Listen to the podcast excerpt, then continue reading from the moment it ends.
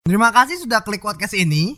Tapi jangan lupa guys, klik tombol follow karena follow itu gratis. Dengan memfollow podcast ini, kamu support podcast ini untuk terus upload hampir setiap minggu. Ingat guys, follow itu Bukan dong bangke.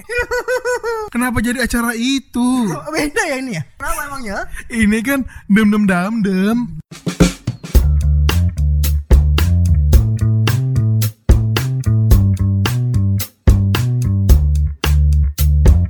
Halo semuanya, balik lagi di podcast Oli, obrolan laki-laki yang bergenre setengah komedi. Masih dengan gue Jordan dan kali ini gue sendiri. Gue nggak bersama sohib gue Aldo yang super lucu itu karena semenjak covid atau ppkm ini kita udah jarang banget ketemu dan udah mulai susah buat cocokin jadwal kita masing-masing. Kadang dia bisa, gue nggak bisa. Kadang gue bisa, dia nggak bisa. Maaf banget podcast ini udah lama nggak ada episode baru. Terakhir upload itu di Oktober 2020 dan sekarang sudah masuk di Desember 2021. Gimana kabar kalian teman-teman? Gue cuma berharap kalian semua sehat-sehat dan dijauhi dari penyakit apa pun. Karena sekarang-sekarang ini, thanks to COVID, gue baru disadarkan bahwa kesehatan itu penting banget. Percuma lu banyak duit kalau lu sakit-sakitan. Jadi saran gue jaga kesehatan, olahraga, dan jangan lupa pakai masker double. Oke, gue nggak tahu nih masih ada pendengarnya atau enggak, tapi gue berusaha untuk memulai kembali gitu. Karena jujur gue kangen banget bikin podcast, meskipun terkadang e, idenya buntu, waktunya nggak ketemu. Tapi gue nggak tahu kenapa kalau gue pribadi seneng aja gitu bikin podcast. Mungkin ya, mungkin karena di podcast gue bisa sharing, bisa menyampaikan pendapat gue tentang sesuatu, bisa nostalgia bareng-bareng, bisa menghibur orang juga kalau lagi stres gitu kan. Misalkan ada yang lagi patah hati, ada yang gagal nikah. Dan melalui podcast gue bisa ketahui masalah yang kelihatannya ringan, tapi sebenarnya berat buat yang ngalamin. Kayak LDR, putus cinta, cinta, gagal jadian, pacaran kelamaan, dan yang lainnya. Menurut gue ya,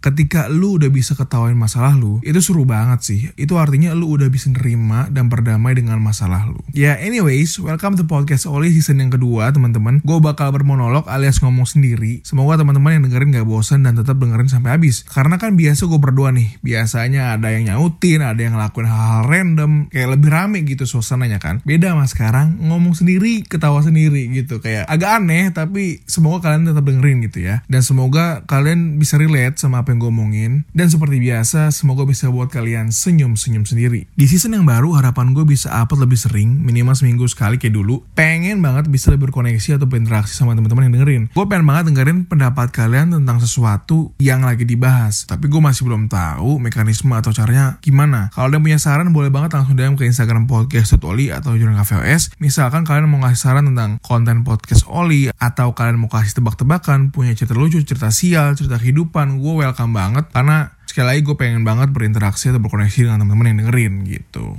Oke, topik kali ini adalah Days Before 27. Jadi episode kali ini itu berbeda banget dengan yang sebelum-sebelumnya. Biasanya itu kan setengah komedi, tapi kali ini agak setengah serius gitu. Karena ini adalah reminder buat gue ketika nanti gue mulai bertambah umur lagi, gue akan dengerin ini. Ini adalah pegangan-pegangan gue untuk menjalani kehidupan gitu loh episode kali ini cocok banget didengerin pas sebelum tidur gitu. Jadi ketika lagi mikirin banyak hal pas malam-malam gitu kan ini cocok banget didengerin. Jadi gue bakal cerita tentang keresahan, kesialan, kelucuan, terus sharing pengalaman pribadi dan banyak hal dah sebelum gue berumur 27 tahun. Penasaran sama ceritanya? Kita kembali setelah ini.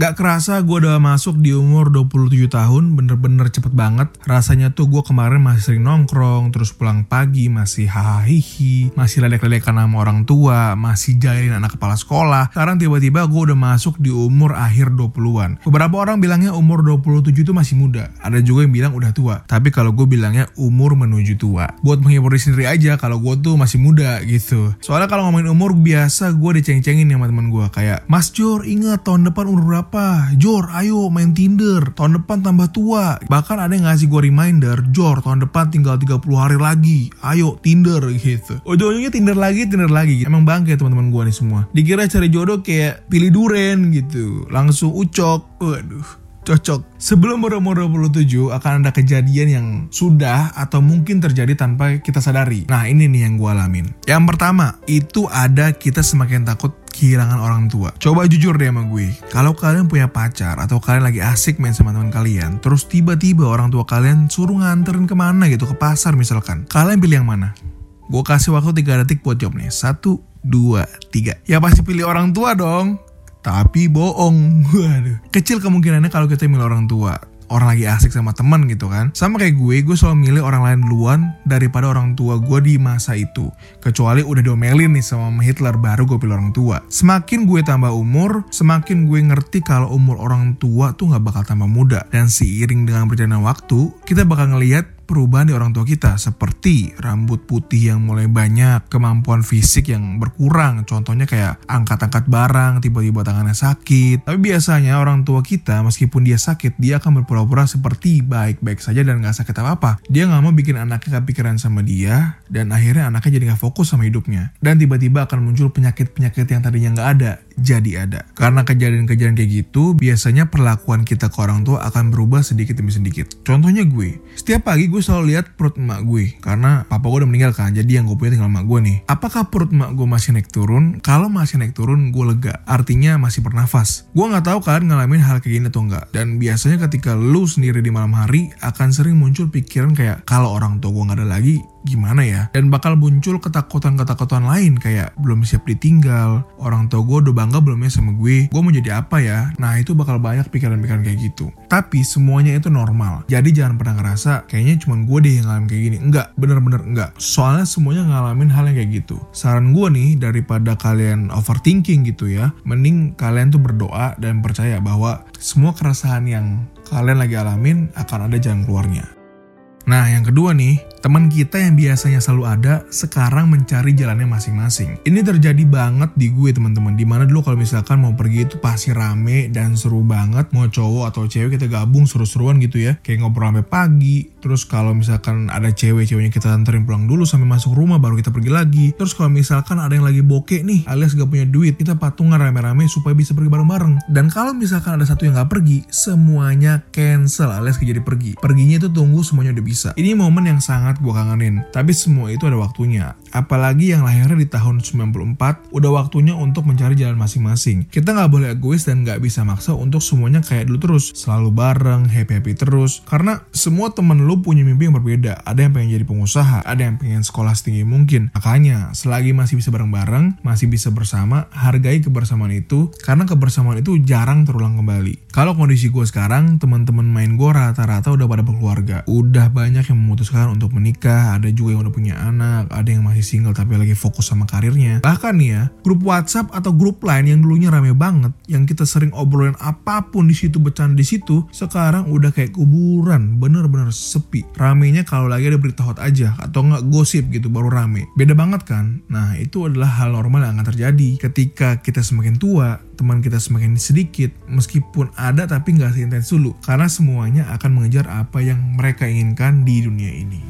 Yang ketiga, kondisi fisik atau mental tidak sekuat dulu. Ini kerasa banget sih, contohnya dulu olahraga gue kuat banget, 7 hari nonstop. Sekarang lebih demen rebahan daripada olahraga. Terus ya, kita tuh lebih sensitif gitu. Dulu tuh ceng-cengan bobo fisik tuh biasa aja. Sekarang cuma dibilang kendutan ya sekarang, langsung bilangnya body shaming. Bener gak sih? Makanya buat teman-teman yang masih 20 awal, selagi muda gas terus, jangan kasih kendor. Soalnya nanti akan kendor dengan sendirinya. Jadi kalau kalian punya cita-cita, kejar terus. Jangan karena kalian capek kerja, kalian lupa sama cita cita-citanya. Dan ketika kita lagi kena mental, alias mental down gitu ya, sedihlah satu hari, besoknya bangkit lagi. Ingat masih muda, sayang banget kalau nggak dikejar, serius. Yang keempat, kehilangan arah dan rendah diri. Ini pasti terjadi. Biasanya omongan yang ada di pikiran tuh kayak gini. Keputusan yang gue ambil udah bener belum ya? Gue mau jadi apa ya? Kayaknya gue gak bisa apa-apa deh. Kok yang lain udah punya ini gue masih belum sih? Padahal gue kerja keras loh gitu. Kayak lagi percayalah kalau semua orang punya jalan masing-masing. Jadi jangan anggap diri lu rendah. Sebenarnya percaya nggak percaya, lu itu lebih dari apa yang lu pikirin. Kita cuma harus lebih pakai otak kita aja buat mikir maksimalin potensi kita. Nah biasanya ada case kayak gini nih. Gue ngerasa gue nggak ada plusnya bang. Cuma bisa jadi beban orang tua. Itu gimana gimana bang? Gue yakin setiap manusia itu nggak cuma minus, pasti ada plusnya. Kebanyakan dari kita hidup di lingkungan yang menuntut kita untuk harus bisa semuanya. Kalau nggak bisa satu, artinya kita nggak bisa apa-apa. Itu yang membuat kita rendah diri dan membuat kita tuh jadi robot gitu, bukan jadi manusia. Cuma dengerin atau ikutin kata orang. Ingat, burung nggak akan menang dari ikan kalau disuruh berenang. Begitu juga sebaliknya. Artinya setiap orang punya kekuatan atau kelebihannya masing-masing. Nah pertanyaan gue adalah, gimana caranya cari tahu kelebihan dalam diri kita? Saran gue,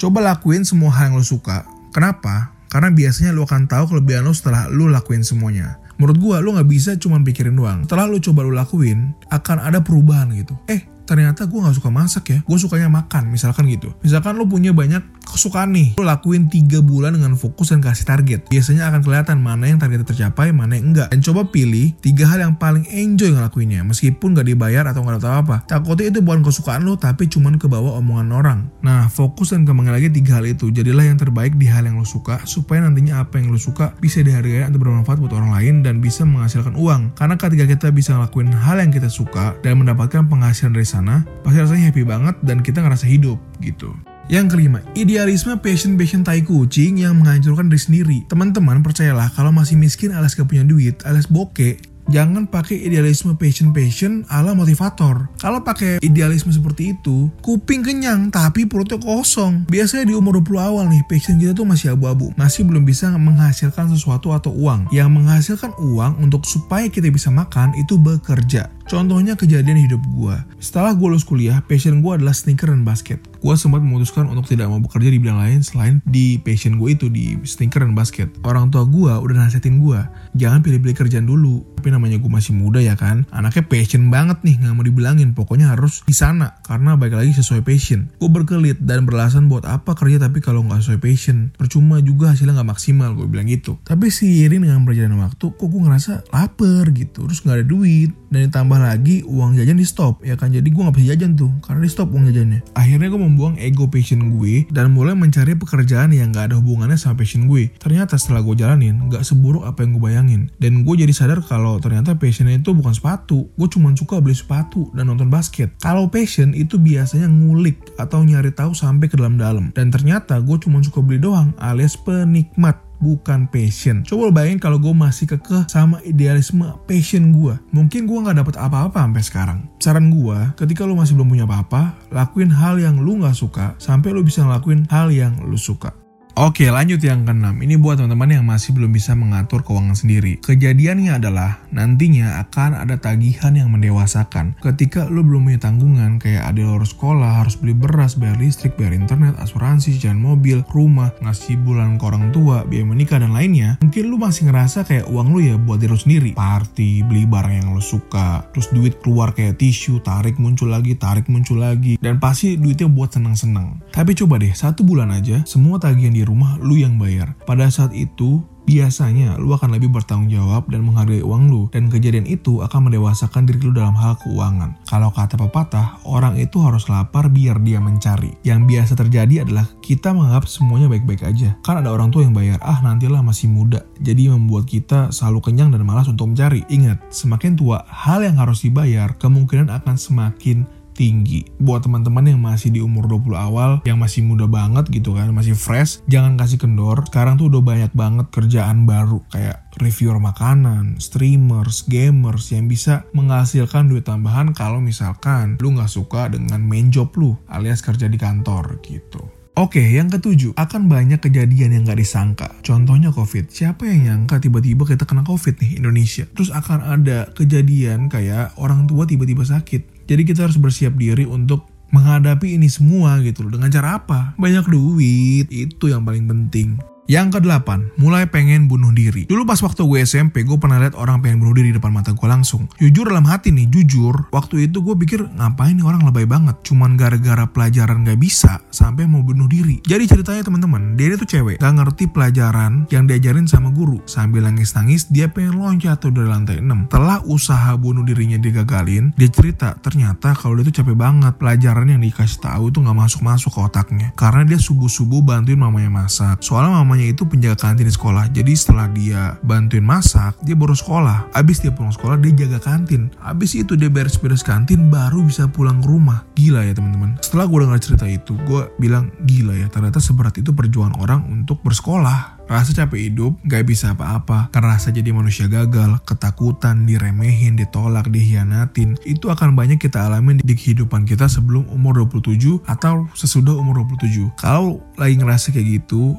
saran gue jangan sendirian karena akan banyak masuk pikiran jahat yang bisa membuat lo ngelakuin hal-hal yang gak masuk akal gitu. Kalau cara gue ya, gue alihin pikiran gue dengan makan banyak karena ketika gue banyak pikiran, gue gak bisa ngapa-ngapain selain makan gitu. Jadi gendut gue gitu kan. Maksud gue itu tuh pengalihan buat lo tuh gak mikirin hal-hal yang bisa ngerugiin diri sendiri. Kalau boleh nih, Jangan dipendem rasa sakitnya. Coba cerita ke orang yang lo percaya atau cerita ke sang pencipta lo. Boleh sedih sehari, besoknya semangat lagi. Setelah itu buktiin ke diri sendiri kalau pendapat mereka semua salah. Yang kesembilan, takut gagal. Ini adalah hal normal yang biasa terjadi sama kita yang lagi berusaha. Tapi percayalah, fear is not real. Buang semua ketakutan dan lakuin apa aja yang lo pengen selama hal itu positif. Terkadang kita terlalu peduli sama omongan orang daripada diri kita sendiri. Semua yang kita lakuin pertama kali, semua usaha yang kita lakuin pertama kali, biasanya nggak lebih baik dari usaha yang udah kita lakuin ke 100 kali. Jadi percaya aja sama diri sendiri, berdoa, dan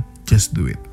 Nah, ini gue ada sedikit tips untuk memulai sesuatu. Cukup pikirin risk and benefit, resiko dan keuntungan. Coba lo tulis di kertas, resikonya apa aja nih kalau misalkan mau bikin sesuatu. Lo tulis juga benefitnya apa aja. Kalau resiko lebih tinggi, contohnya kayak lu nggak bakal makan setahun nih, lo pikir ulang. Karena lu bakal nggak makan setahun kalau lo ngelakuin ini. Tapi kalau benefit atau keuntungan yang lebih tinggi, gas terus. Pokoknya nggak usah ragu, udah lakuin aja. Nanti pasti ada jalan, percaya aja. Dan jangan lupa, nggak ada yang instan di dunia ini. Mau pacaran aja butuh PDKT dulu. PDKT butuh modal. Modal waktu, modal uang, modal tenaga. Itu pun lu belum tentu jadian. Jadi semuanya butuh proses.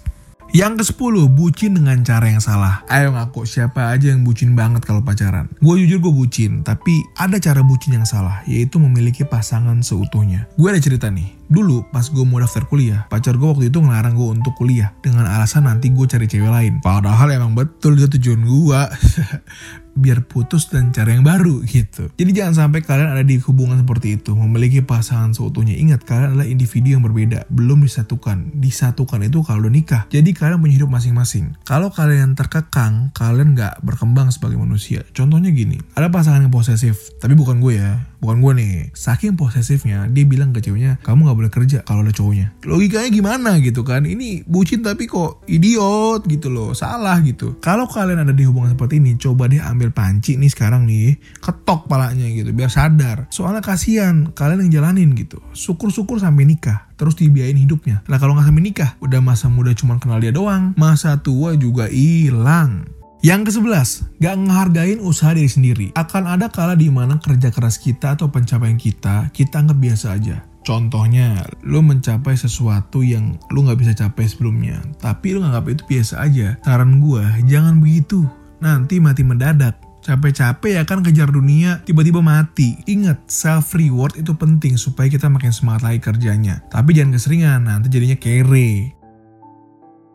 Nah, yang terakhir nih, yang ke-12. Semakin tua, semakin jarang ketawa. Karena semakin tua kita akan jarang ketemu orang yang menyenangkan. Yang ada cuma kerjaan, pertanyaan, dan tuntutan gitu. Kayak kapan kawin, kok kemarin putus, kapan punya anak, bayar kontrakan, dan masih banyak lagi. Makanya daripada kalian stres-stres nih, pusing-pusing amat hidup, ya kan hidup serius-serius amat, mending kalian dengerin podcast Oli season yang kedua. Siapa tahu bisa bikin kamu senyum-senyum sendiri.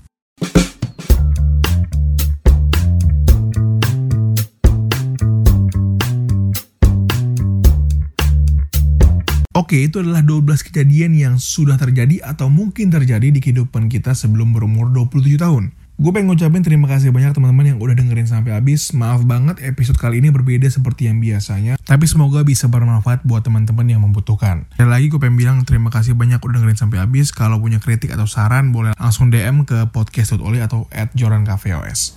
Jangan lupa di follow podcast di Spotify karena follow itu gratis. Gue Joran pamit. Kalau nggak oli, hmm, lemas.